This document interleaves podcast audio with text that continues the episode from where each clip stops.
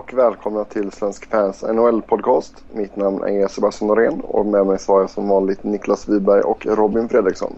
Hej på er två! Hej. hej.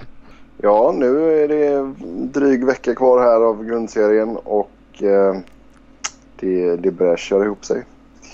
Det, det, blir spännande här nu. Snart är det slutspel. Det är alltid trevligt. Eh, jag tänkte vi, vi ska spara lite slutspelssnack och så till lite senare i programmet här och vi ska börja med ett par eh, kontraktsförlängningar. Där vi har Zach Rinaldo i Philadelphia. Han skrivit på för två nya år med en capita på 750 000 dollar. Niklas, är du nöjd med förlängningen av Rinaldos kontrakt? Eh, jag är mycket nöjd. Han eh, är ju en av väldigt, väldigt få glädjeämnen den här säsongen.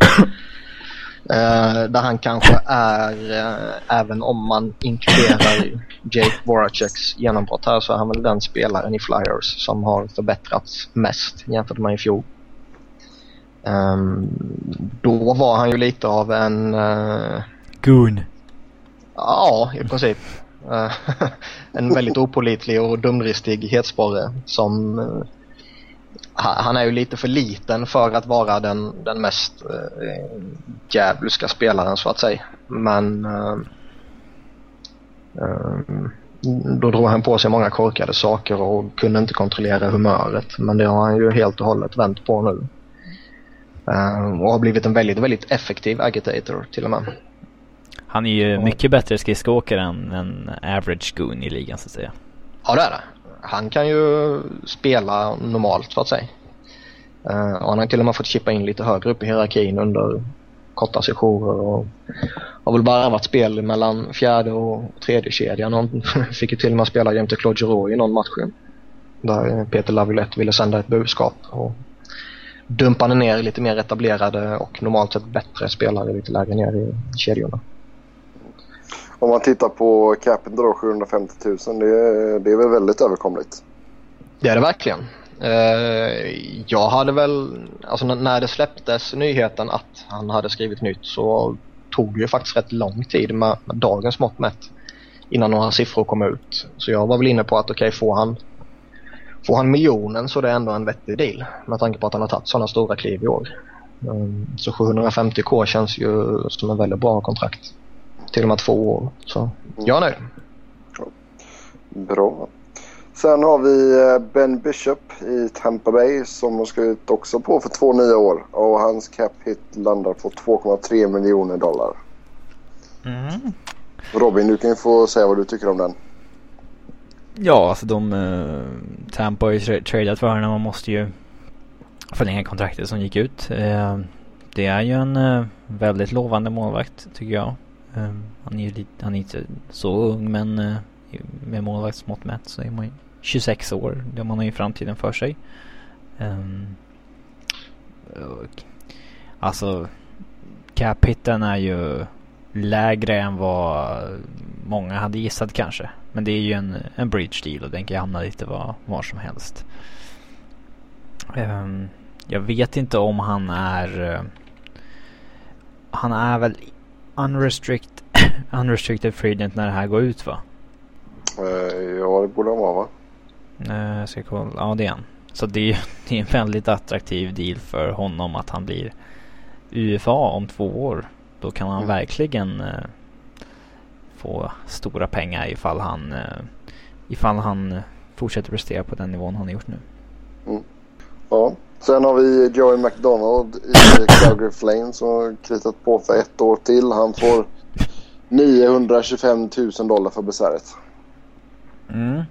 Han har varit en av ligans eh, mest använda andra målvakter i år kanske när det började med att eh, Calgary tog upp honom på waivers från eh, Detroit där han inte var behövd och i Calgary har han väl mer eller mindre tagit första spaden från den relativt asdåliga Mika Kiprosov. att, uh, I alla fall i år har han ju varit relativt asdålig. ja, Man har ju varit kass i år. Ja, han har varit jättedålig, det vet vi. Uh, sen tänker jag bara säga att Jay Rose har fått ett nytt kontrakt också i Philadelphia. Två år och 650, nej, 675 000 i capita. Så, Eh, avstängningen då. Eh, Ryan White i Montreal fem matcher för att ha kört över Kent Huskins. Kent. Ja, Svensk. Lät som han var svensk. Ah, det är Kent. det. Kenta. Ja. Ja, Niklas. Det, ja, eh, å ena sidan så känns det som eh, ett väldigt rimligt straff. Fem matcher under en 48 matcher lång säsong är rätt hårt. Och jag tycker att eh, han förtjänar ett hårt straff för han har siktet inställt på Huskins under en väldigt, väldigt lång tid. Och det är väl i och för sig i grund och botten inget fel i, i sig. Problemet är ju bara att han på ett väldigt vårdslöst sätt dundrar rätt in i huvudet på Huskins. Och det är ju i princip enbart huvudet han träffar. Det är inte så att han dundrar rätt in i kroppen och, och råkar smälla huvudet i, i full kraft samtidigt. Utan det är i princip bara huvudet som, som han nuddar i full fart. Huskins fick en hjärnskakning. Um, så, så det var väl rätt rimligt att det skulle bli uh, en avstängning så helt enkelt. Mm. Och som sagt fem, fem matcher känns fair. Samtidigt så känns det å andra sidan kanske lite väl hårt också med tanke på att det är en i sammanhanget nobody utan någon smutsig historia. Så det, är- men jag tycker ändå att eh, Det är en jätteful grej verkligen. Alltså han är full det är, en, det är en väldigt ful grej och eh, vill ligan få bort sådana här saker så krävs ju att man eh, tar i på det här sättet som de ändå gjorde nu. Som sagt fem matcher på, på 48 matcher lång säsong. Slår man ut det på jämbördigt straff eh, över 82 matcher så blir det ju några matcher till givetvis. Eh, och det är en diskussion vi haft tidigare om man bör klassificerade på det sättet eller inte. Um, men med tanke på lite vad de har gjort tidigare och vad de har släppt tidigare så, så känns det lite som att det, ja, den balanserar lite på gränsen på vad som är fullt rimligt och vad som kanske är någon match för mycket kan jag tycka. Ja. Nej, som sagt som Robin sa det var jävligt fult och det... Jag vet inte om det, var, om det har varit så jävla mycket snack om det. Det kändes så som att alla var ju Alltså, det ju- det var hård bestraffning som gällde liksom. Ja, och sen är en stor anledning till att det inte blivit så mycket snack om det här det är ju att eh, det är två stycken spelare involverade som inte är så jättespännande att prata om helt enkelt. Och alla gillar väl Kenta? Kenta har varit bra sen han kom till Flyers. Det, alltså, innan den här hjärnskakningen så var det ju till och med snack om att han kanske till och med hade spelat till sig en kontraktsförlängning. Nu tyder vi lite på att han kan vara tillbaka i spel innan säsongen är slut så vi får väl se vad som händer. Men eh, skulle det varit någon betydligt mer, eh, eller betydligt bättre räcker det väl att säga, spelare involverad antingen som satte tacklingen eller som fick tacklingen så skulle det ju givetvis blivit ännu större spekulationer. Yes. Ja, då eh, kastar vi oss in i slutspelsracet här då. Det är ju... Ja, vissa lag har tre matcher kvar, vissa har två matcher kvar och det finns väl något enstaka. Ja, jag tror Boston har fyra matcher kvar till och med. Mm. Men jag tänkte vi börjar i eh, östra konferensen. Och eh, som läget ser ut just nu då så Pittsburgh är klara, Boston klara, Montreal klara, Toronto klara. Sen eh, så ligger Washington, de leder ju South East på 52 poäng. Eh, Winnipeg har 51 poäng fast en match mer spelad. Men där är ju inte det helt avgjort än. Sen är det alltså plats 6, 7, 8 som just nu innehas av New York Islanders, New York Rangers och Ottawa. Så alltså det är ju Winnipeg där då på nionde plats som har chansen att ta sig in. Annars är det ju mer, ja, annars är det ju klart liksom. Ja, alltså det som är mest anmärkningsvärt här det är att vi kan få två lag från South East till slutspel. Vilket kändes helt otänkbart för ett par veckor sedan. Mm. Ehm, och det är ju inte jätte omöjligt att det blir så. Alltså Winnipeg är ju i en våldsam form just nu. De bara kör. Um, Alltså, visserligen också Washington de har ett, också. Ja, men de har ett tufft schema kvar. Washington och Winnipeg Washington. möter ju varandra ju. Och sen ska Ja, och så- Winnipeg avsluta med Montreal som är i rätt desperat behov av att hitta någon sorts form inför slutspelet. Mm. Men eh, Rangers har Florida nästa och sen Carolina och Devils. De möter liksom tre lag som är utanför slutspel. De borde inte ha några problem att greja det där. Nej, samma sak Islanders. Carolina, Philadelphia, Buffalo kvar. Så New York-lagen tror jag vi kan räkna in i slutspel faktiskt. Jag skulle Det- tycka att det var Det är lite Ottawa som tråkigt. hänger på tråden där då.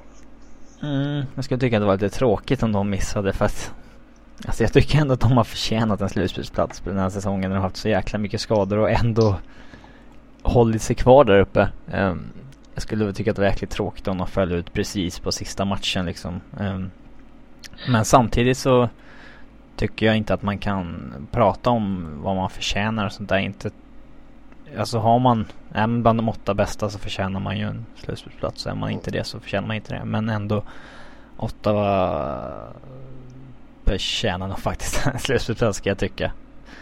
Um. Jo, men där håller jag med dig. De, de är ju kanske det laget som har eh, faktiskt imponerat allra, allra mest. Med tanke på att de hade sin bästa winger, de hade sin bästa center, de hade sin bästa back och de hade första målvakten på rätt eh, irriterande långtidsskador mm. Eh, och att man faktiskt bara lyckas hålla sig flytande överhuvudtaget är ju sjukt bra. Men nu har man ju kommit ner lite på jorden här den senaste tiden. Eh, efter att kanske egentligen har gått för bra inom citationstecken eh, med tanke på skadehelvetet. Alltså man visste ju att de skulle börja Alltså tappa förr eller senare. Det går ju inte att ha de där spelarna borta för länge. Silverberg, Zibanejad och Kanasher är ju väldigt, tre väldigt talangfulla spelare som alla skulle vilja ha i sin organisation men de håller ju inte som en andra kedja i ett slutspelslag hur länge som helst. Och deras backbesättning mm, Det finns en del frågetecken där också. Eh, ehm. Uh, um, Nej, så det är det verkligen. Jag tror väl hela grejen kommer avgöras i mötet mellan Capitals och Jets. Um, torskar Winnipeg den matchen då är man nog rätt körda. Uh, oavsett vad som händer i de andra matcherna med tanke på att alla andra lag har tre matcher kvar. Mm. Skulle man däremot lyckas vinna där så då tror jag Washington kanske framförallt kan börja darra lite. Ehm, när man har Ottawa och Boston kvar. Ottawa som krigar om den sista platsen där givetvis och Boston som eh, inte har gått eh, jättebra mot senaste tiden här. En, faktiskt darrat lite till och från och haft lite skadeproblem och grejer men likt Montreal faktiskt eh, är rätt eh, stort behov av att hinna, hitta någon form här innan slutspelet. Och sannolikt kommer ju Boston och Montreal kriga om divisionssegern in i, in i det sista. Mm. Men alltså, eh, som sagt då Washington och Winnipeg, de möts nu i natt. Um, Niklas kommer sitta klistrad framför datorn vet jag. ja, det kommer jag nog göra men inte säkert att jag kommer se den matchen. Robin kommer ha ett watchparty hemma hos sig. mm.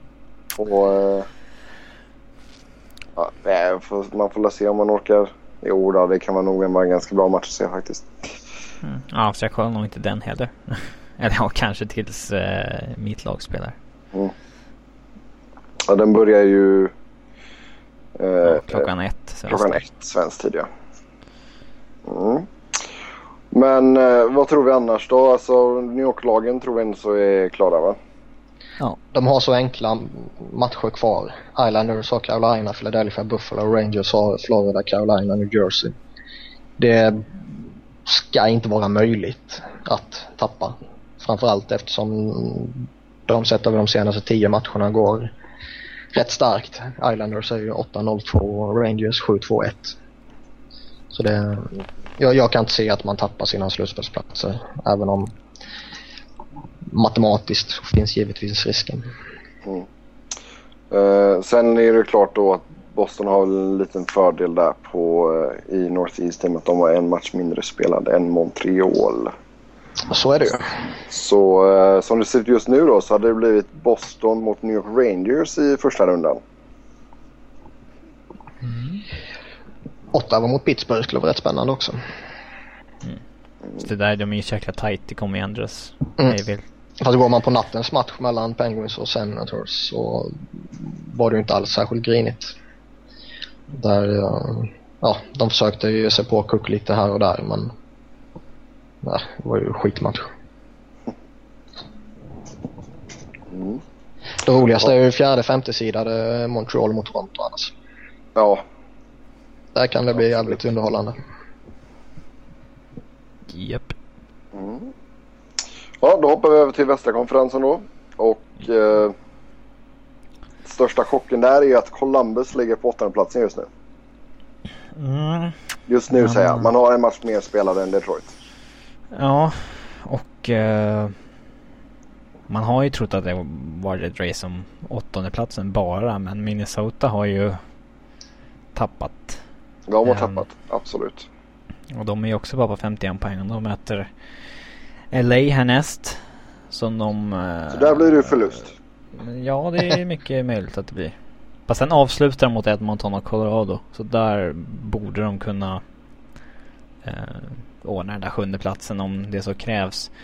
Columbus har ett intressant schema kvar. De har bara Dallas och Nashville. Där borde de kunna åtminstone tre poäng om när det verkligen är kniven på strupen. Um, Detroit är en poäng efter. Och intressant nog har ju de exakt samma lag kvar sen. Nashville och Dallas. Eh, fast de möter LA först. Och, Så där blir det eh, förlust. Ja, kanske. Jag Det- tror Detroit kommer reda ut det här. Eh, alltså deras veteraner i, i Zetterberg och Datsjuk och lite sånt där, de, de kommer nog snäppa upp sig när de märker att Eh, oj då. Mm. Ja, jag tror att det är mycket möjligt att de får med sig en poäng mot Kings. Eh, och då står de alltså på exakt samma poäng som Columbus. Har exakt samma lag kvar att möta. Fast de har eh, tiebreaken där. Leder de ju. Eh, Detroit. De har ju Mm. fler eh, vinster under ordinarie tid. eh, jag tror det, ja. Ja, Mm, det är ja, Dallas som du hört. Ja, Mm, det har de. ja, vi ska inte räkna ut Dallas heller. De möter ju både Columbus och Detroit. Så att, Mm. alltså, och de, de har ju, de är i jäkligt bra form. Vinner de de två så går de ju om bägge i stort sett. Så att, eh, ehm, Ja, det som såg rätt dött ut i västra konferensen för eh, en uh, tid sedan. Det känns ju helt plötsligt som att nu lever det i allra högsta grad mm. Eh, Ja, Dallas såg ju uträknade ut men vi, som vi sa i förra podcasten att räcker med att något lag går på en winning streak på fyra fem matcher så är man ju verkligen med igen och det var ju det som hände Dallas. Mm. Och Winnipeg i, eh, i East. Ehm, och Dallas har ju i stort sett allt i egna händer nu när de möter Columbus och Detroit härnäst. Så att ehm, det ska bli intressant. Det, Mm. Jag tycker väl att det vore det vore kul ifall Columbus fick sista slutspelsplatsen. Framförallt vore det kul om Detroit missar slutspel. Ja, alltså om man är svensk och har ett intresse för VM så är det väl kul om Detroit missar också. Nej, det skiter jag fullkomligt ur. Jag ser hur det är ur NHL-aspekt. Men hur många, alltså Robin, hur många tror du av Detroit-svenskarna skulle vara aktuella för ett VM? Aktuella är väl några av de flesta med tanke på att det är hemma-VM. Jo, men jag tänkte alltså vilka tror du skulle ändå så känna att ja, vad kul att åka hem och spela VM? Ja, nästan alla gjorde det i fjol ju. Ja, det räcker med att Zäta säger att han åker, då kommer resten också. Eh, det är väl Zäta, Frasse, Jonte Eriksson. Eh, Zäta bara, kom, kom nu grabbar, nu åker vi. De bara, "Ja, okej då. Han är en kapten, han bestämmer. Ja. Ja, nej, alltså, alltså Chicago är ju klara vinnare av västra konferensen och sen har vi Anaheim, Vancouver och LA som också är klara, helt klara för slutspel. Eh, sen Mm. sk- ska det ju... Som, ja. ja, men, ja, vi räknar väl in San Jose och San, Lu- San ja Luis. det, det tycker jag. Ja, också. de är klara. Det är de. Det som är intressant det är ju om Detroit hade varit villiga att ge upp sitt första rundsval för att få Bowmeister så han hade hamnat där istället för St. Louis. Hur hade, hur hade tabellen sett ut då? det är mycket möjligt att det hade varit ombytta roller mellan de två. Mm.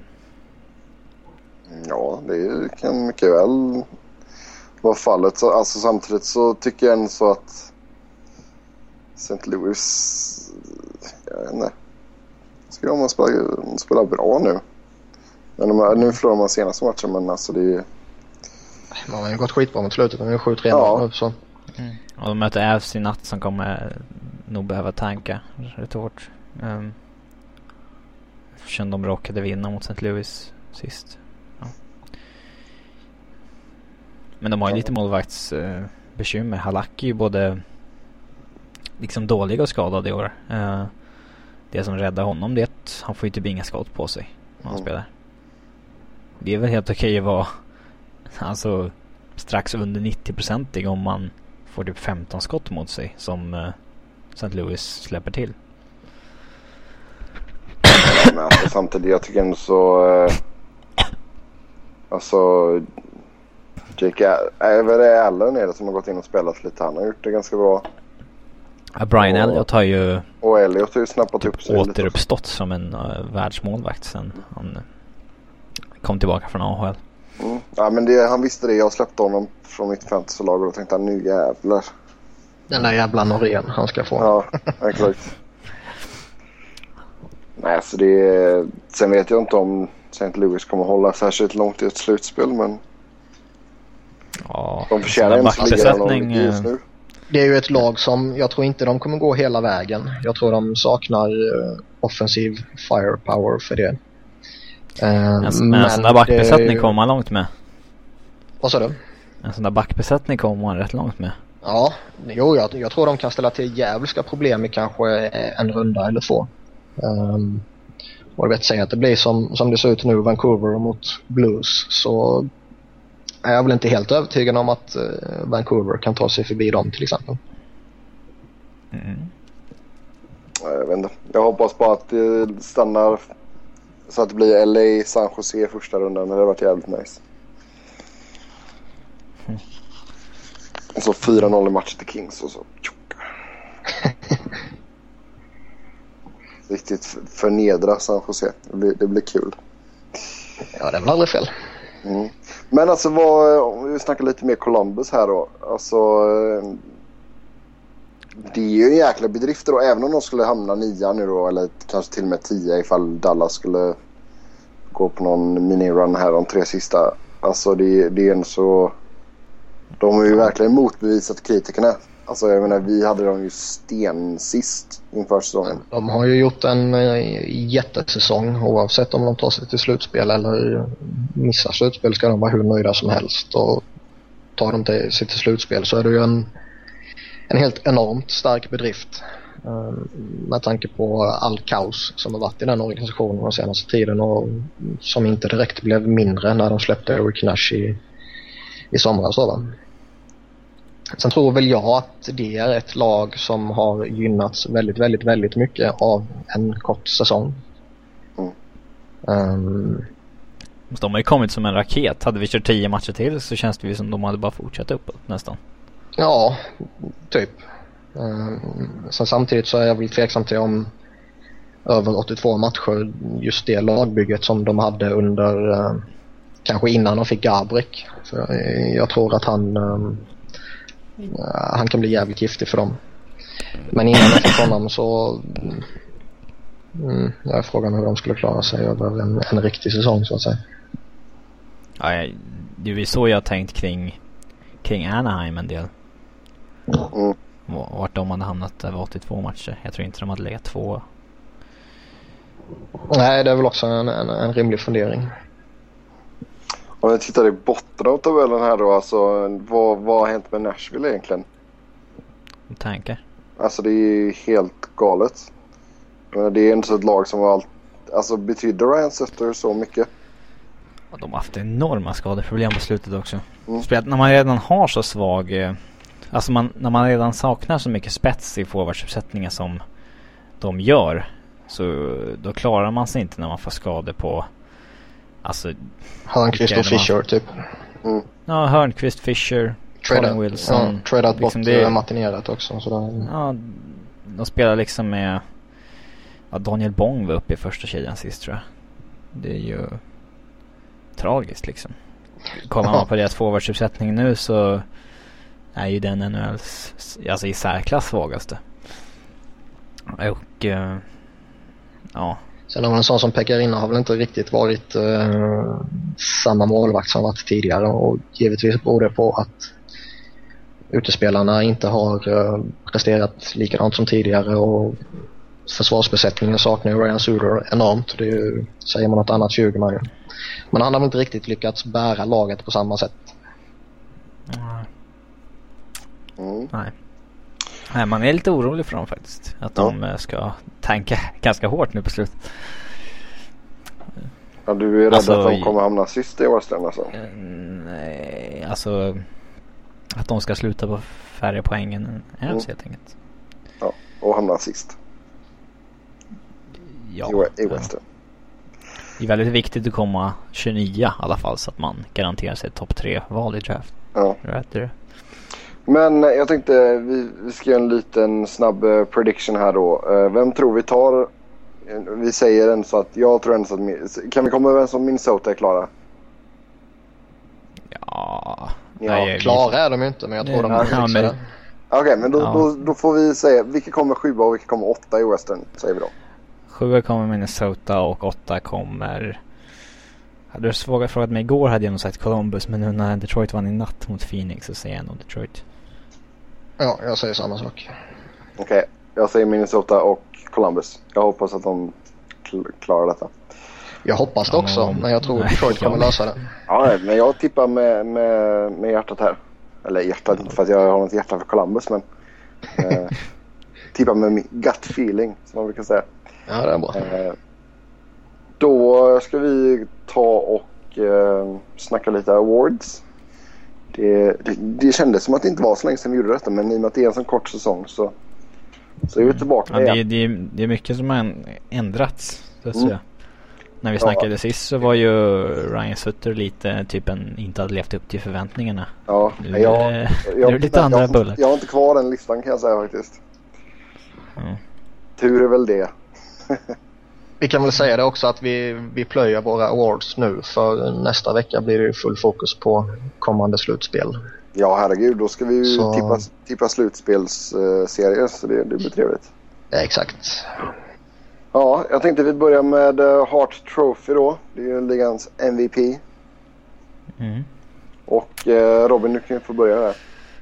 Uh, jag tycker att uh, Sidney Crosby ska ha den även fast han är, uh, har varit skadad. Um, vinner man poängligan trots att man missar över tio matcher så är det nog snarare ett argument till att man ska ha den där ännu mer kan jag tycka.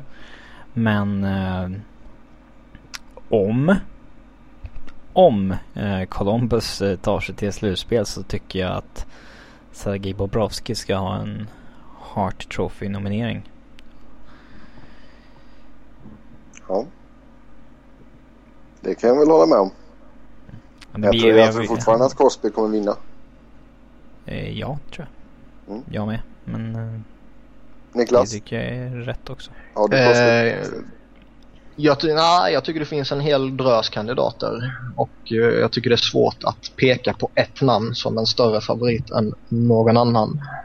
Um, jag tycker att om man som Crosby missar till exempel 10 matcher uh, över en vanlig säsong är det ingenting men över 48 matcher så tycker jag att han har uh, gått över gränsen för vad som kan vara ja, aktuellt för att få någon award helt enkelt.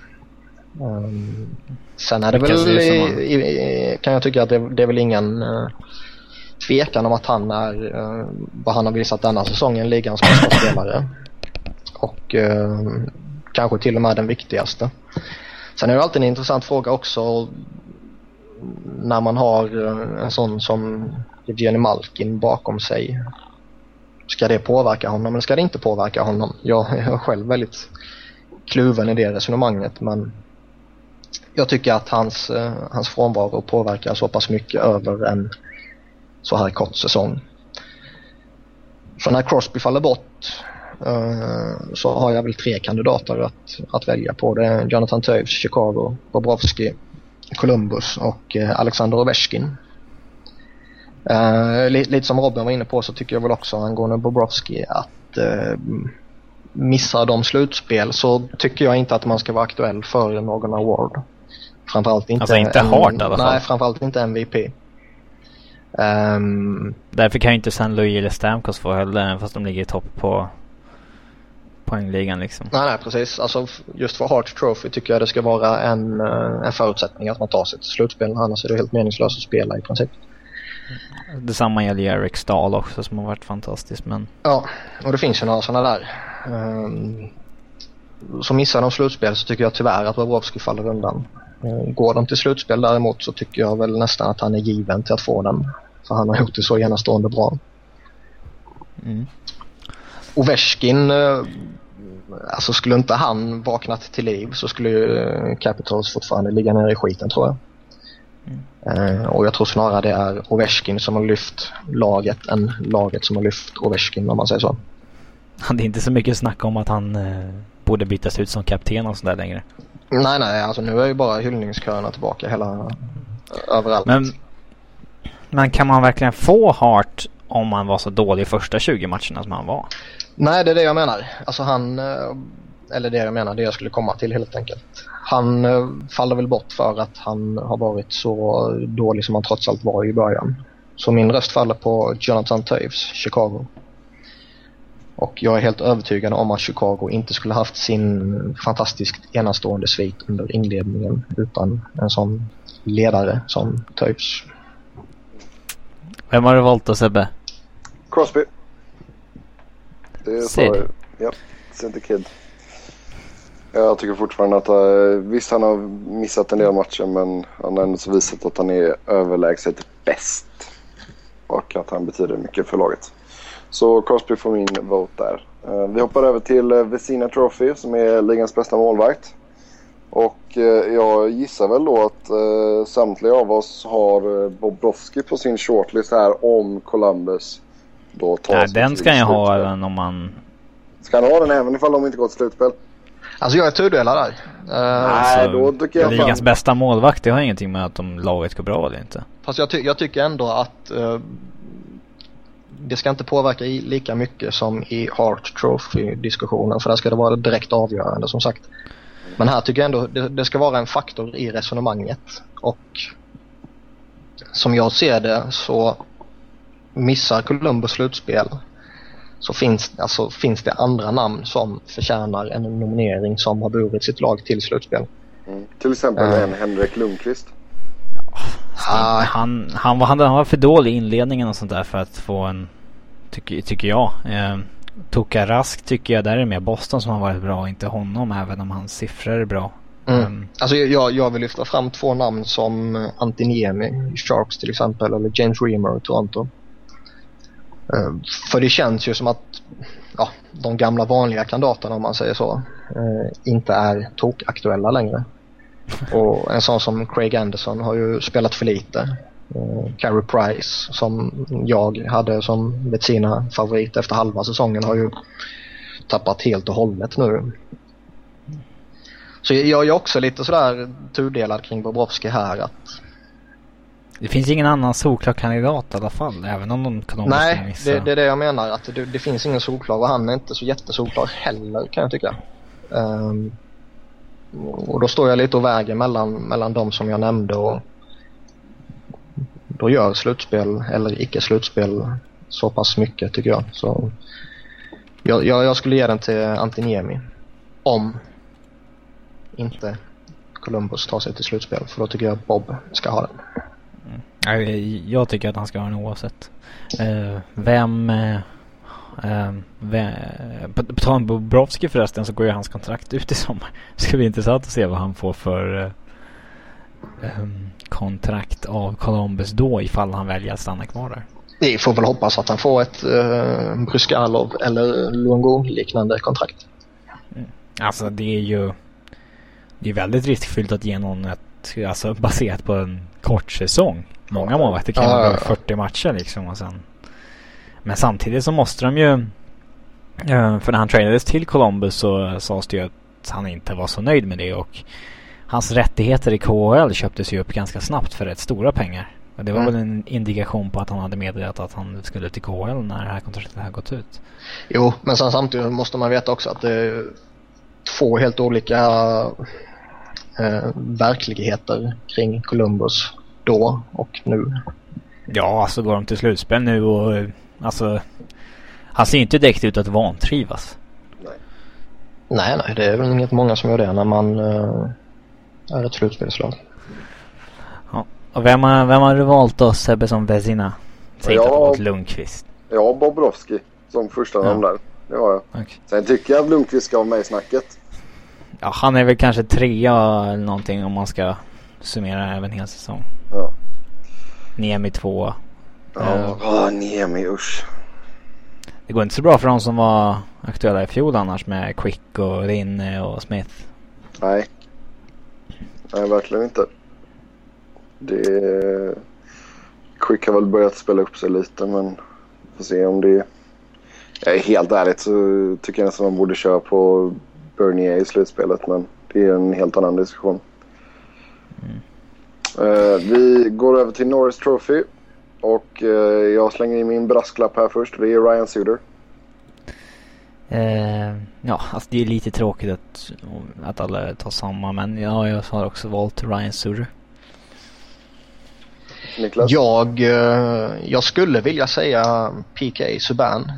För han har nog varit säsongens mest dynamiska back om man säger så. Men du hatar honom så jävla mycket så du kan inte göra det. ja, det, det, det också. Men uh, alltså, han leder ju poängligan och han har varit grym. Det, det, det kan man inte blunda för. Men alltså, jag är inte ens helt övertygad om att han ens är Montreals bästa back och mest viktiga ja, Markov har varit riktigt bra.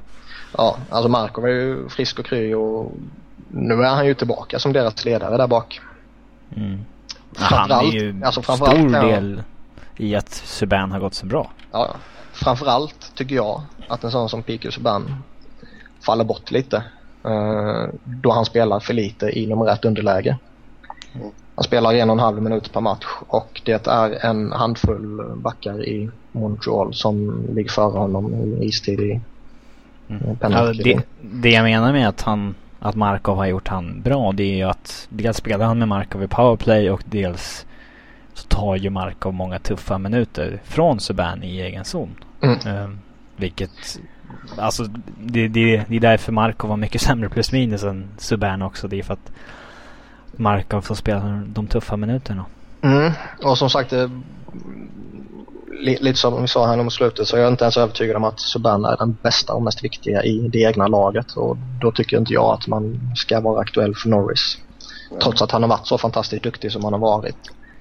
Um, en sån som Chris Letang som jag gav Norris till efter halva säsongen faller bort på grund av... Ja, han missar ju alltid för mycket matcher. Ja. Och ja, jag väljer också Ryan Suter. Um, jag känner väl att han har varit den backen, uh, bortsett från den lite tuffa inledningen där kanske, som har varit mest allround som priset trots allt handlar om. Och mm. han har presterat därefter. Han är trea i poängligan i backarnas poängliga då ska tilläggas. Han spelar mest av alla. Han är Wilds viktigaste spelare i alla situationer och uh, han bär upp en uh, på pappret rätt skakig backbesättning. Mm.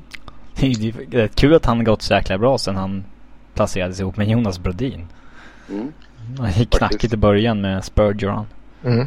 Ehm, men två backar som har fallit bort lite på grund, alltså från mitten av säsongen och sen det är ju Alex Pietrangelo och uh, Oliver Ekman Larsson som uh, Alltså båda har ju varit bra men det, de har gjort lite för lite poäng för att uh, nämnas som Norris backar mm. kanske. Ja sen tycker jag att fi, alltså Phoenix Slump där med sju raka förluster sabbar ju en hel del också. Mm. Ja det är det... nästan så att Oliver gillar kanske inte att få så mycket spotlight på sig när när det blev kontraktsnacket och Norge-snacket och sådär så föll han bort lite grann. Men... Mm. Ja, vi får se. Eh, sen har vi oss Selke Trophy. Och eh, jag börjar igen här och säger att att eh, Jonathan Taves från Chicago borde ha den bucklan eller pokalen. Eller vad får man? Plakat? Nej, man får en buckla va? Man får en liten buckla. Ja. Kan han ställa på kaffebordet där hemma? Ja, det är väl ett, eh, ett väldigt bra val. Eh, Tack. och, varsågod. och, och jag eh, personligen funderade väl lite på Patrice Bergeron eller Jonathan Toews. Eh, som jag tycker ur rent defensiva aspekter samtidigt som man är eh, ja, en väldigt, väldigt duktig tvåvägsspelare och spelar en stor roll i sitt lag så tycker jag att de två står ut lite mer än övriga. Även om en sån som Sidney Crosby förtjänar att nämnas där också. Men som sagt, eh, jag tycker att tio missade matcher där runt omkring är lite väl mycket. Han Eh, missade så många. han har missat nio tror jag där.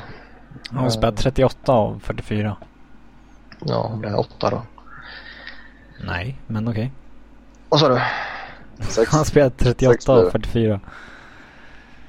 Nej, jag har spelat 36. Det står ju 38 på nl.com. 36 sa jag. På nl.com? Ja. Jaha. Nu ska jag också gå in och titta här bara för det. Ja, gör Ja, det. det står 36. Men det står ju 30. Det står Ja, 36. Vi är två mot en. Okej, jag, jag får printscreena visa er sen då. Ja. Ja, men skitsamma. I, i, oavsett vilket så känns det väl som att Patrice Bergeron förtjänar det här. Han missade sex matcher och även om det bara skiljer en handfull matcher mellan typ han och Crosby vad de missade så känns det lite som att sex missade på en kort säsong det är ändå acceptabelt. Ehm, och jag tycker han, ja, han är snäppet bättre än Toews i en defensiv aspekt. Mm. Nej, jag har också valt Patrice Bergeron. Eh, men eh, Toews Taves är ju den klara utmanaren. Ehm, sen har vi ju Ja, David Backes har inte riktigt gjort tillräckligt mycket poäng i år för att vara en säljkandidat kanske. Och Datsjuk lär väl alltid få en nominering i alla fall. Men jag tror nog att... Alltså Bergeron vann ju det där ett stort i fjol. Och det är mm, majoriteten av rösterna landar nog på Taves och Bergeron i år. I alla fall. Yes. Då är det dags för Calder Trophy. Som går till uh, Ligas Rookie. Och Niklas, vem, vem tror du tar hem detta?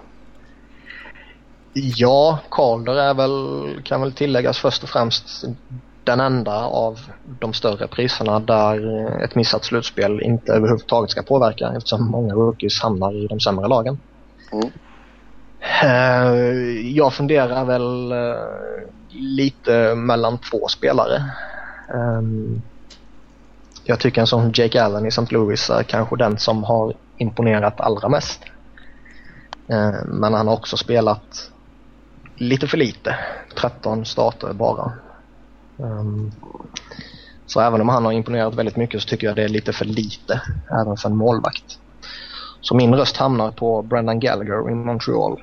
Och eh, det känns som att han har hållit en jämnare nivå över hela säsongen än till exempel Jonathan Huberdeau som jag eh, gav Calder till efter halva säsongen. Vi har ingen given Calder-vinnare i år alltså. Det är lite... Det är lite i brist på alternativ faktiskt på Mm, ja, jag Framförallt så vill man ju se Framförallt så vill man ju se över 82 matcher och se vilka som faller bort och vilka som levererar under hela säsongen. Ja, Alltså den som, den som har legat på en mest stabil nivå, det är kanske Brodin. Ja, men han har gjort lite få poäng. Ja, och jag tror att spelar man i ett lag som Minnesota och även om han är hypad rätt mycket men man gör väldigt lite poäng då då tror jag inte att man kommer få den eh, uppmärksamheten av folk som inte följer Minnesota mer eller mindre dagligen. Så tyvärr Mm. tror jag han faller bort även om han kanske har varit den stabilaste rookien. Eh, Mm. Men en sån Justin som Brendan Schultz Gallagher nog som säkert- har gjort väldigt bra ifrån sig i Montreal av alla lag liksom. Det, jag tror han kommer få den. Ja. Nej, jag tror att det blir Huber då, men jag skulle också gärna se Brendan Gallagher. Eh, han har ju inte som... Eh, Brandon Saad är en klar produkt av Jonathan Taves och inget annat. Men uh, Brendan Gallagher är inte... Uh, han har presterat mycket på egen hand liksom. Han har en rätt liten roll också i ett topplag. Mm. Och visst att han spelar i ett topplag påverkar givetvis hans prestationer men rollen är rätt begränsad. Mm. Ja, jag vill gärna se att det går till en back. Faktiskt. Och mina två namn är de är sjuka underdogs här. Men det hade varit kul ja, om det gick till antingen Dougie Hamilton i Boston. Säg inte Jake Massin nu bara. Eller Jake Massin i Los Angeles Kings. uh, alltså det finns ju en del backar som gjort en del poäng. Uh, Schultz, Verkac i Ottawa, Massin, Schul Hamilton. Alltså, Schul hur säger man Schultz måste man ju säga. Jag säger Schultz. Justin Schultz. Han är ju inte så, så jävla dassig defensivt. Ja men det är för att han spelar mot de bästa. De, han måste ju spela mot... Jo men han är fortfarande dålig sen. Om han spelar mot första kedja, andra kedja, tredje kedja eller fjärde kedja. Det ska väl inte spela någon roll. Han är fortfarande för dålig defensivt. Jo men jag tycker inte att man kan få Calder i Mussin eller... Det, alltså, de spelar så skyddade minuter så att det De ska verkligen ligga på, på plus om vi snackar plus minus och sånt där. Det, där är ju skillnaden med Jonas Brodin att han spelar de tuffaste minuterna i Minnesota. Men han har inte gjort tillräckligt med poäng för att han inte spelat så mycket powerplay och sådär. Det... Jag skulle inte ge det till någon av de där backarna som har gjort halvhyfsat med poäng men inte har en stor roll i sitt lag i alla fall. Det skulle jag inte. Um, Hamilton har ju dessutom varit en healthy, healthy scratch ett par gånger så att han uh, tycker jag inte förtjänar den utmärkelsen. Jag tycker att Jake Massinen så spelat en hel del varierade minuter. Ja, men, alltså, med, han spelar ju... Med tanke på vilket jävla skadehelvete Kings hade på backsidan i början här så. Men hans uh, overall-minuter kommer ju upp för att han spelar powerplay. Mm. Det kan jag väl med men jag tycker fortfarande att han borde vara med i snacket. Ja, se när alla rösterna kommer. Nej, alltså när man får se alla rösterna så att säga. Var... I fjol var det ju någon som hade röstat på, uh, vad hette han backen i Buffalo som hade fått en femteplatsröst i fjol. Uh... Men det är det som är problemet med mediaröster. De kommer ju ha fokus på eh, ja, de lagen och framförallt de spelarna de själva följer hela tiden vilket oftast blir respektive konferens och i synnerhet eh, respektive division och mm. då i ännu mer synnerhet det egna laget. Mm. Ja, Men... Jag tror ju, det måste ju varit någon Buffalo-snubbe som röstade ja, på Marc-André ja. Ja, det är klart. Ja, det är klart det var det. De är galna. Men eh, alltså en av de mest hypade inför säsongen var ju Neil Jakopov i Edmonton. Kommer han, en, kommer han vara med i snacket? Ja, det kommer han vara. Tack vare sitt namn. Uh, och han kommer säkert få några röster och kommer säkert få någon toppröst också. Och, alltså det, det, är svårt för som Robin sa innan, det finns ingen, inget klockrent alternativ utan det känns som att Hubbard och Corey Conacher Brennan Gallagher, Jakubov, Braddon Saad. Um... Tarasenko var skadad för länge och har varit för ojämn. Mm. Mm. Men jag tror alla de här som ligger i toppen av Rookies poängliga kommer vara aktuella för att vinna och jag tror en sån som Jake Allen kommer säkert få några röster. Brodin kommer få några röster men tyvärr kommer det inte vara tillräckligt. Uh, lite som Sebbe var inne på, Dogge Hamilton kommer säkert få några röster också. Um, så det, det, det, känns svårt att sätta fingret på någon som uh, ja, verkligen är favorit här. Mm. Ja, Nej, det blir spännande som sagt. Och sen har vi Lady Bing. Det är väl till ligans eh, gentleman eller vad man nu ska säga.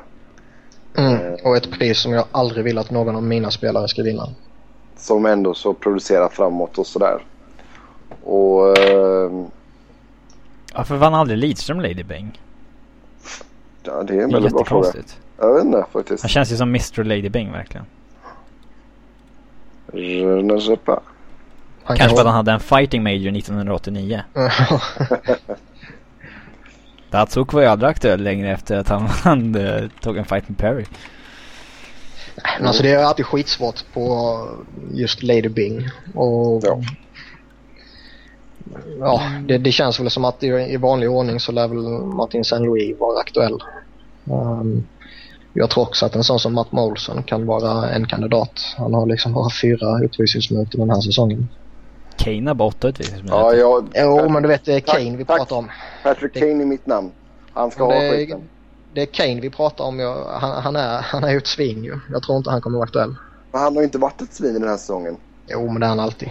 Nej. Jag, jag, tror, jag tror ryktet han har, eh, både på och, eller framförallt utanför isen så att säga, eh, kommer göra att han inte kommer få så många röster oavsett hur få utvisningsminuter han har. Palmenville då? Han har inte några utvisningsminuter heller typ. Nej, alltså jag, nej, jag, jag har faktiskt skrivit upp honom också. En sån som Louis Eriksson kan säkert vara aktuell också. Eller Louis som han vill kallas. Mm. Men ehm, ja, som sagt det, det, det är svårt. Det är jävligt svårt och just Lady Bing. Men ja, alla de vi har, har nämnt känns som att det, de bör vara aktuella. Utom Patrick Eh, Kane. Är det lika viktigt att spela många matcher med Lady Bing? Eller? Annars så skulle ju en sån som Ray Whitney kunna vara aktuell också. Nej, alltså jag tycker det det är ju ett pris som trots allt har hyfsad eh, respekt med sig men det känns också som att det, det är i sammanhanget ett skitpris. Så jag tycker att har, har man missat uh, rätt många matcher så ska väl inte det påverka jättemycket just här. Då går vi vidare till eh, Jack Adams Award för eh, bästa tränaren. Och Niklas, du kan väl börja där.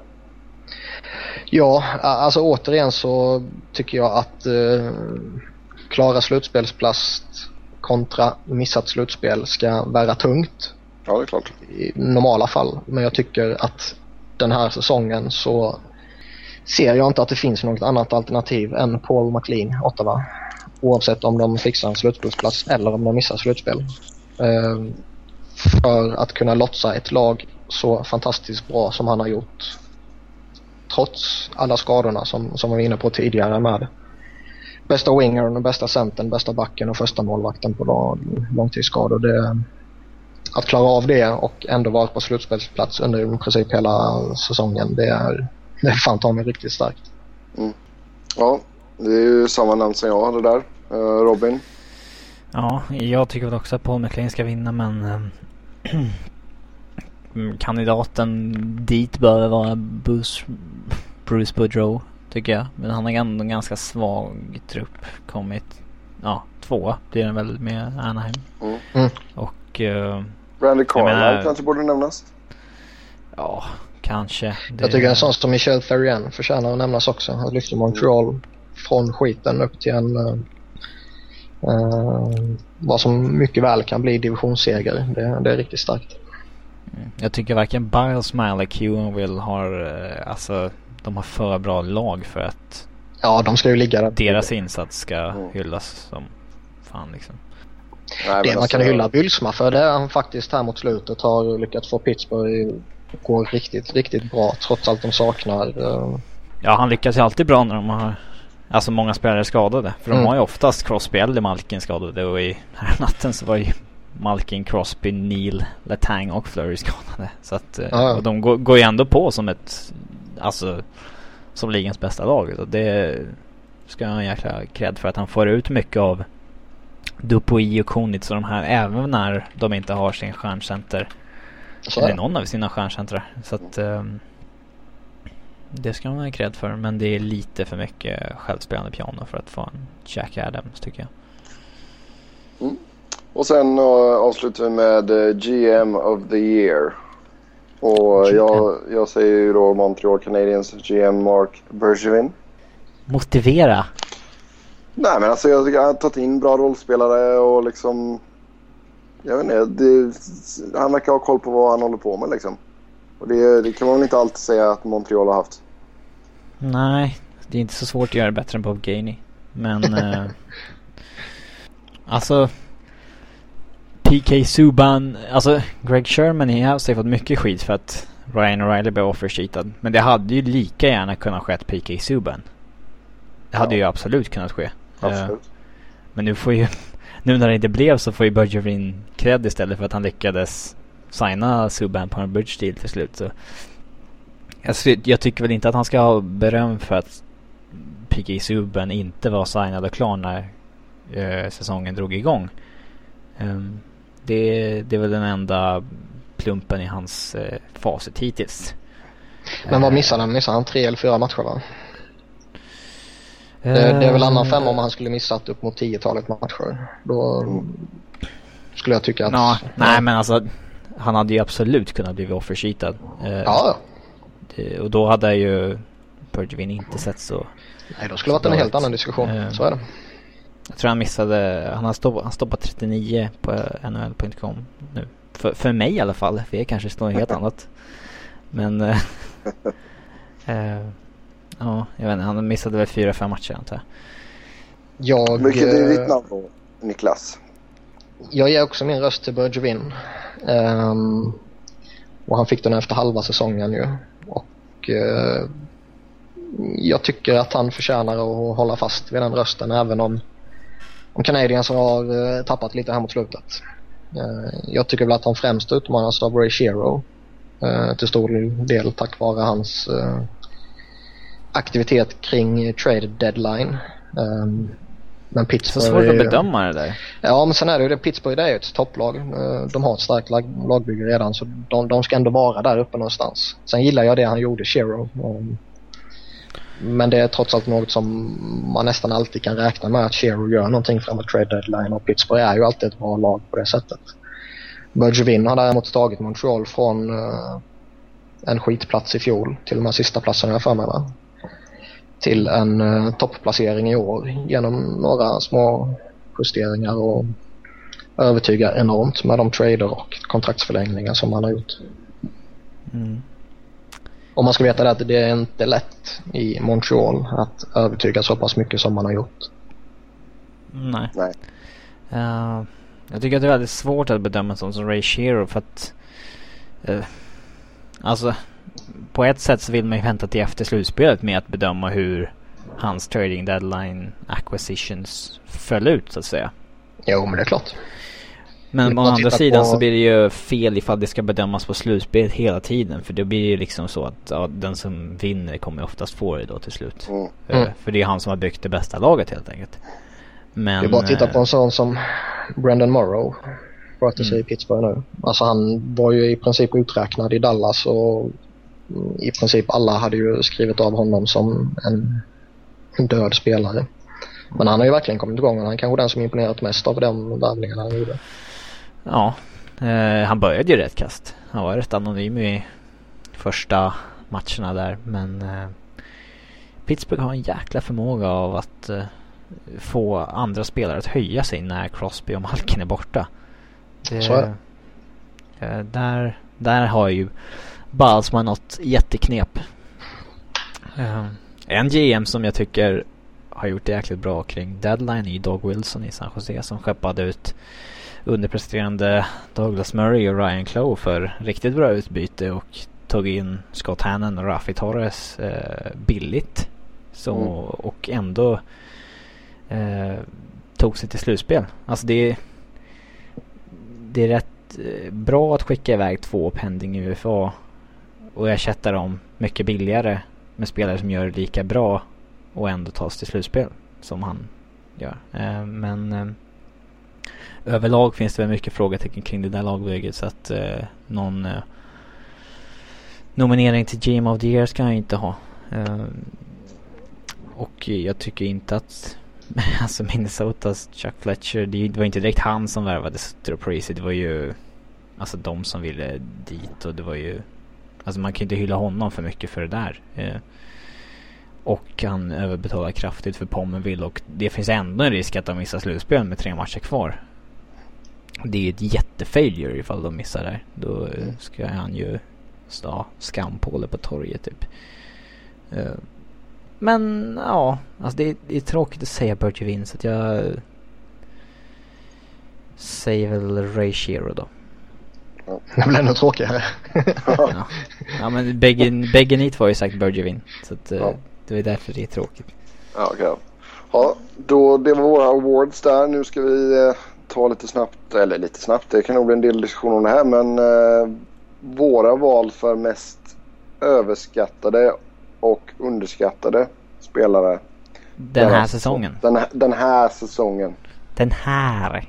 Den här säsongen. Det ska understrykas verkligen. Den här förkortade säsongen. Vilka spelare är det vi... Har fått för mycket cred och för lite cred helt enkelt. Ja, exakt. Och eh, ska vi, ska vi börja med för lite cred? Underskattade spelare. Mm. Då kan eh, Robin få börja där. Då säger jag Andrew Ladd. Men det är ju... Hade Eds legat på slutspelsplats hade han ju fått eh, lite mer uppmärksamhet kanske men... Han har gjort 46 poäng på 46 matcher och... Eh, eh, lever äntligen upp till C1 på bröstet. Och... Eh, det är han som är Winnipegs... Ja, alltså offensiva st- stjärnspelare. Så att... Det är inte Vander Kane. Så Fast han gick en månad utan att göra mål. Ja, men ja, alltså ändå kommit upp i 18, 18 baljer. Eh, Jo, jag gillar honom. Och, to- 12 i NHLs poängliga. Så att det, och skulle Winnipeg tas till slutspel nu så är det ju han som har bärt dem dit så att säga. Men det är, Mm. det är svårt det där med det är klart att spelare som inte tar sitt lag till slutspel inte kommer få samma uppmärksamhet. Det så är det ju. Ja, exakt. Ja, mitt val är uh, Matt Duchene faktiskt i Colorado. För att han Som- spelar i Frölunda eller? Som har gjort för, för, han var nej genomskinlig så. för, 40, 40 poäng på 44 matcher. Ehm, nej, 14 men på vadå? 19 i Frölunda. Jag tycker, jag tycker ändå så att eh, det Duchene har fått mest eh, uppmärksamhet för den här säsongen var ju hans eh, grova offside-mål liksom. Fast det, Det- var ju inte offside. Nej, okej. Och påven bär inte hatt. Ehm, nej, men alltså jag tycker Colorado har ju inte riktigt varit någon höjdare i år och det kan ju Robin intyga. Och eh, Mm, jag har sett matcherna. De är rätt eh, relativt asdåliga som vi... Ja. Så, relativt avstånd, ja. Nej, men det, är alltså, det är ju Duchene som är eh, alltså, fix, fixstjärnan får man ändå säga. Och jag tycker ändå, ändå så han har kommit tillbaka starkt den här säsongen. mm, han var ju riktigt eh, kritiserad i fjol när han hade en försenad sophomore slump. Ja. Han var nere i fjärde kedjan sista matchen och spelade med Cody McLeod. Eh, men ja, i år och alltså det, det många gillar med honom i år det är att han har tagit en, eh, alltså han har mognat eh, som människa och pratar som en kapten för och efter matcherna och i fjol så var det mest snack om att han hade tagit semester på semestern så att säga. I år tränade han med Crosby under sommaren och förbättrat oerhört många delar i sitt spel som han Mm. inte hade förut. Han spelade Nej. oerhört mycket penalty killing. Han eh, har varit väldigt bra i teckningscirkeln. Ehm, så han har hittat en otrolig kemi med P.A. Parento också. Det, det, jag skulle inte säga att det är Duchene som bär Parento eller tvärtom men de har funkat jäkligt bra tillsammans. Det är, jag är imponerad av att det har gått så snabbt för Parento var inne själv på att det, det var väldigt annorlunda att spela med Matt Duchene kontra John Tavares. För de är ju verkligen helt olika spelartyper. Med Tavares så handlade det om att alltså lugna ner spelet, sänka tempot och med Matt Duchene där är det ju precis raka motsatsen. Ehm, och eh, Matt Duchene är ingen sniper på samma sätt som Tavares. Det är inte bara att lägga alltså passningen så sätter han pucken. Exakt. Parent har ju fått tagit ett annat ansvar som eh, målskytt också. Och han har ju redan gjort fler mål än vad han gjort tidigare i karriären. Ehm, så att eh, jag var väl inne lite på Parento som uh, underskattade i år för att fram till några, för några dagar sedan så var ju han den free agent som har gjort mest poäng i år. Men nu gick ju semin om. Mm. Parisi har ju inte gjort fler än Parento till exempel. Men eh, ja, med tanke på att de, det ändå inte räckte till slutspel och sådär så kan man förstå att det inte har fått så mycket cred. Ja. Men, Sen är det klart att du- det inte... det- Sen är det klart att det hjälpte Duchene att han spelar i Frölunda också. Det, det ska vi inte sticka under stol med. Han var ju ganska kass i Frölunda. Det var, Gjorde- det var lite oroande där.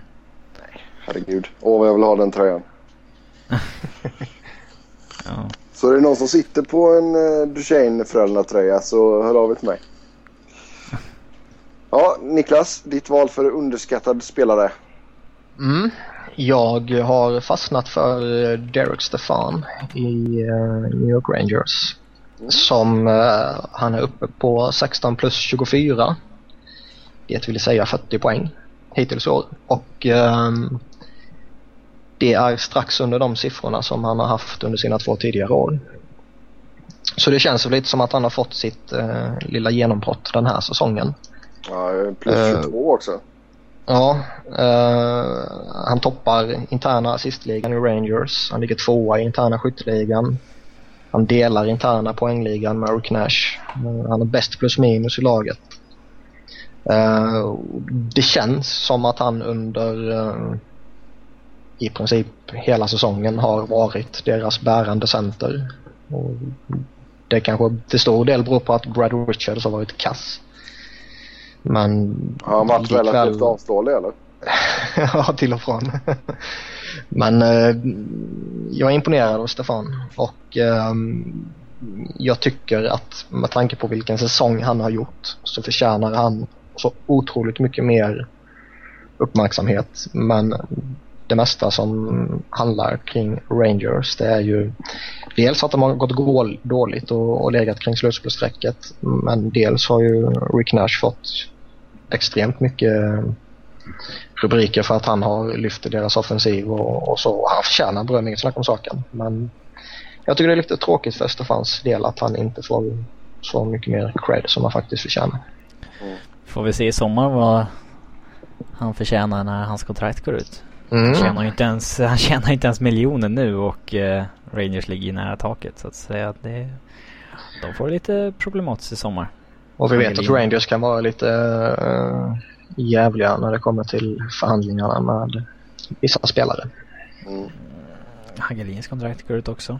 De har lite de har, där. de har verkligen lite att lösa där ja. Mm. Ja, uh, tog vi, nej vi tog inte din Robin va?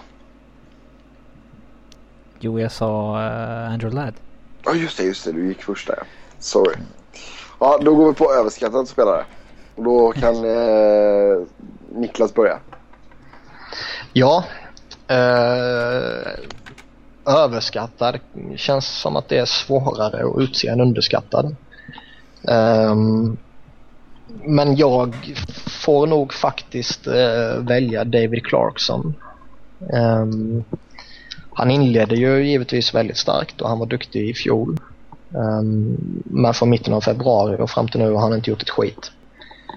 Och jag vill för mig att jag i början av säsongen eller en bit in på säsongen pratade lite om att han stod vid ett vägval där han antingen behövde bevisa att han var en riktig power forward för topp 6 hos en contender eller om han skulle bli en ja, above average random grinder som då och då kunde chippa in med lite mål. Och jag lutade väl åt eh, att han var på väg mot ett genombrott i början på säsongen men nu har man ju märkt rätt tydligt tycker jag att så inte har varit fallet.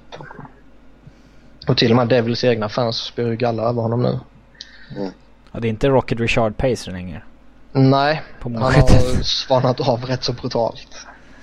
Så det, det känns lite som att um, han han var överhypad och det, det, var han ju. Och han, det var ju rätt givet att han skulle kunna hålla kvar i den takten som han, han inledde i. Men eh, det känns som att ja, vid det där vägskälet, eller skälet så klev han inte in på den vägen som går mot en eh, fullskalig power forward. Mm. Sen är det ju det, han är UFA till sommaren och många Devils-fans verkar ju vilja släppa honom helt enkelt. Och han kommer ju få ett sjukt kontrakt någonstans. Ja, någon kommer ge han tre och en halv eller någonting på fyra år. Ja, men det är inte så överjävligt ändå tycker jag. Eh, jag tror han kommer få eh, bättre bud än så. Ja, det räcker bara med att en GM av 30 alltså värderar han för högt så att säga. Ja, det räcker att någon hostar upp 4,5 för han till exempel. Så direkt så känns det som att... Ja. Krävs bara en så att säga. Mm. Mm. Ja, Robin din överskattade spelare? Mm. mest överskattade i år, alltså har fått mest eh, cred. Eh, Mm. Eller oförtjänt med cred. Eh, då eh, säger jag Detroit Red Wings Niklas Kronwall. Och det var, jag tycker att man inför säsongen så typ bestämde både svensk och eh, amerikansk media att Kronwall kommer att eh, kliva fram och liksom internt ersätta Niklas Lidström. Det var liksom, folk hade redan bestämt det på förhand och typ låtsades som att det var så bara för att han öste in lite poäng i början. Men i överlag så tycker jag fortfarande inte att han är en pålitlig top pairing back i egen zon och eh, han är inte samma han är inte samma spelsinne. i- Alltså han kan han har ett jäkla slagskott som man kan använda i powerplay men han är inte den här uh, spelskickliga eh, han har inte den här blicken för spelet på samma sätt som Niklas Lidström. Eh, och uh, alltså jag, jag, ty- jag tycker han fick för mycket cred för att han, att det, det snacket om Norris i början var ju helt, alltså uppåt väggarna tycker jag. Och han har ju svalnat av efter det dessutom. Mm. Så att, eh, nej jag tycker inte att han, eh, jag tycker han varit ungefär som i fjol men att folk att ju bestämde sig på förhand som att han skulle vara mycket bättre i år och har låtsats som att det är så. Bara för att alla var överens om det när säsongen började typ. Ja. Niklas, vad säger du? Håller du med Robin i hans argument? Ja, eh, jag har aldrig varit någon större supporter av Niklas Kronwall. Eh, jag tycker att hobbysupportrar som bara tittar på highlights på nhl.com får ju en helt annan bild av honom eh, än vad som stämmer med verkligheten. Ja, alltså när man läser på svenska forum och sånt där så säger folk Vi skulle behöva en riktigt elak fysisk back som Niklas Kronwall liksom, Som snittar en tackling var femte match kanske. Ja, alltså... Särskilt elak är han ju inte heller. Alltså, Nej, och det, nu är han ju ingen dålig back på det sättet. Men det är lite som Robin var inne på det. Det målades ju upp som att han skulle ta över alltså, den här generationens överlägset bästa back. Att han skulle Ja. plocka upp den manteln liksom. Men ehm, det har han ju per- inte klarat. Och ehm, just att han är den här första backen och ändå går bort sig så mycket som han ändå gör i defensiven. Det, nej, jag, jag tycker det är ett rimligt val av Robin. Alltså framförallt ser jag ut efter att de har Han har ju fått cred för att han har ersatt Niklas Lidström när han inte har gjort det. Av Ja. eh, väldigt många. I en perfekt värld så är vi kanske Kronwall i ett andra backpar i rollen som trea så att säga. Tredje bästa backen och mycket powerplay och sådär. Det, och där har han ju ett rimligt kontrakt och det är liksom bra så men som första back Nej, jag tycker inte att han har levt upp till varit så bra som det sägs helt enkelt. Mm. Nej, det kan jag hålla med. Och min brasklapp. Överskattad spelare. Zdeno Chara i Boston Bruins. Jag tycker det är alldeles för mycket Norris-snack kring eh, Chara. Eh, Jag tycker han... Visst, nu har han någon major och sådär. Men jag tycker 66 utnings, utvisningsminuter är för mycket för honom. Samtidigt som han inte har gjort tillräckligt med poäng i min mening. Jag tror han ligger på eh, sju mål om jag inte är helt fel. Och, eh, Alltså slår du ut det där på en hel säsong så landar han ju på sina vanliga siffror. jo, men nu är det 40-50. den här, den här förkortade säsongen. Ja men alltså slår du ut de där siffrorna på en hel säsong. Så att säga. Om du...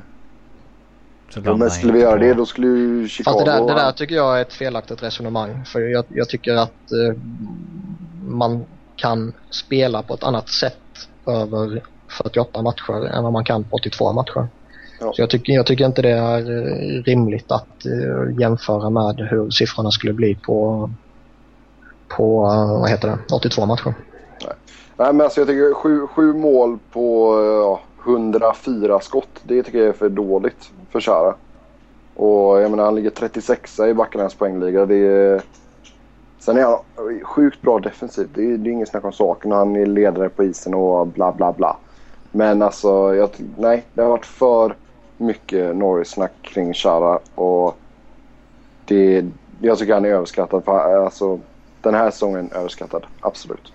Jag håller med i ditt resonemang att uh, han inte har varit tillräckligt bra. Och uh, jag tycker också det är fel att han nämns i Norris Trophy men det gör han ju bara tack vare sitt namn. Mm. Eh, jag tycker också att han ska ha en större poängskörd. Um, och jag tycker väl som helhet så har han varit en besvikelse. Men jag tycker också det är tufft att utse en av ligans bästa defensiva backar som han trots allt fortfarande är till mest överskattade.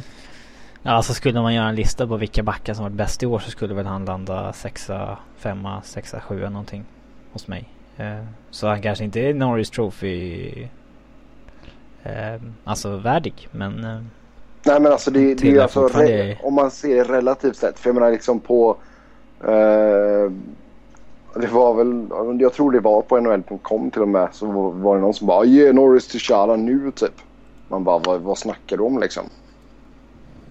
Mm. Det, ja så ska man... Uh... Så jag menar det är den hypen jag tycker det är fel och det är, det är på det sättet han blir överskattad.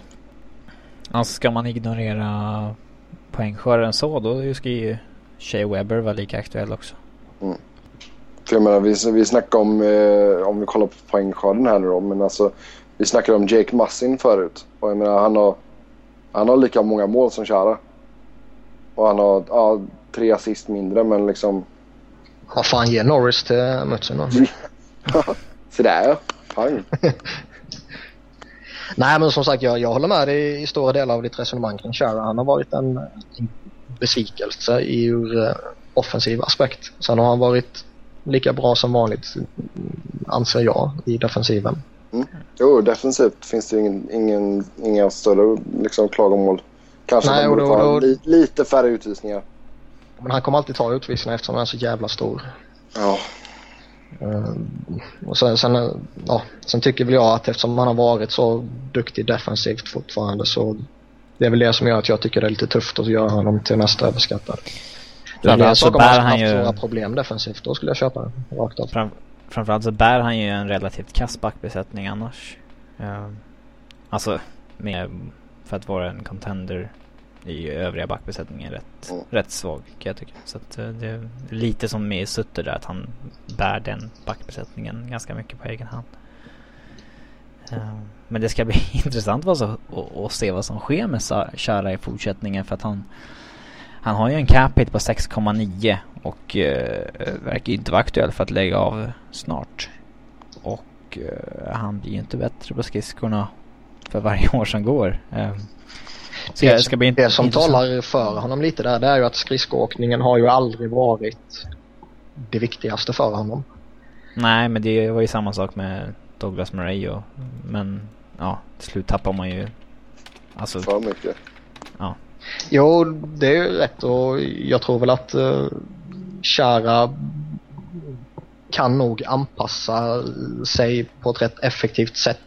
Uh, även om han skulle tappa lite i, i skridskorna. Att uh, han fortfarande kan vara en powerplayback av klass med tanke på sitt skott och han kan fortfarande rensa framför mål. Och är han uh, så enormt stor som han är så kommer han alltid vara svår att ta sig förbi. Mm. Så jag tror inte han kommer rasa i kvalitet bara för att han uh, uh, ja, tappar lite snabbhet så att säga. Fan vad imponerande resa han har gjort egentligen från att vara en ganska hånad back i Islander som hade ett brutalt dåligt plus minus och inga poäng framåt till att vara en Alltså vad han varit, hur länge har han varit Norris kandidat? 6-7 år liksom. Mm. Det är helt sjuk resa egentligen. Från att ha varit en för stor och trög back som liksom inte gjorde någon nytta till ja, det han är idag. Det är ju rätt enormt. Mm, tydligen spelar han ju med en klubba som är lika lång som jag är, 180 centimeter. Han har väl fått eh, dispens för att få använda en så lång klubba till och med. Så. det är fan som värsta golfsvingen han. Jag måste ta kort på mig och hans klubba nästa gång Boston kommer hit alltså. Mm. Vart, eh, vart går gränsen egentligen för längd på klubba? det kan jag inte så här on top of my head. Men... Nej, inte jag heller. det är någonting vi får kolla upp till nästa, till nästa avsnitt. Spelade han med en uh, alltså för liten klubba förut eller? Så det var svårt för honom att... Nej, jag tror, inte, jag tror mer det var... Jag tror inte han har spelat med för liten utan jag tror mer utan att ha någon jättekoll på det. Men jag tror det var att...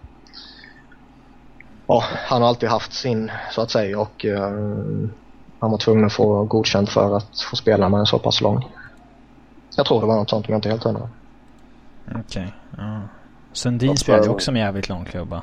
Men inte 180 centimeter givetvis. Det... Nej men alltså vad är Köra? Han är 6 foot 9. Vad blir det i centimeter? 207 eller något Ja 206 står det att han är här. Mm. Och så skridsko på det. Då är han ju uppe i typ 2,20. Va? Eller? Hur höga skridskor har du? Ja men vadå du får tänka på att du, eller ja kanske inte 14 cm. Okej men säg 10 cm i alla fall. 2,16 är han uppe i så fall. Så det är en ganska imponerande pjäs och 116 kilo tung. Ja. 116 kilo lätt.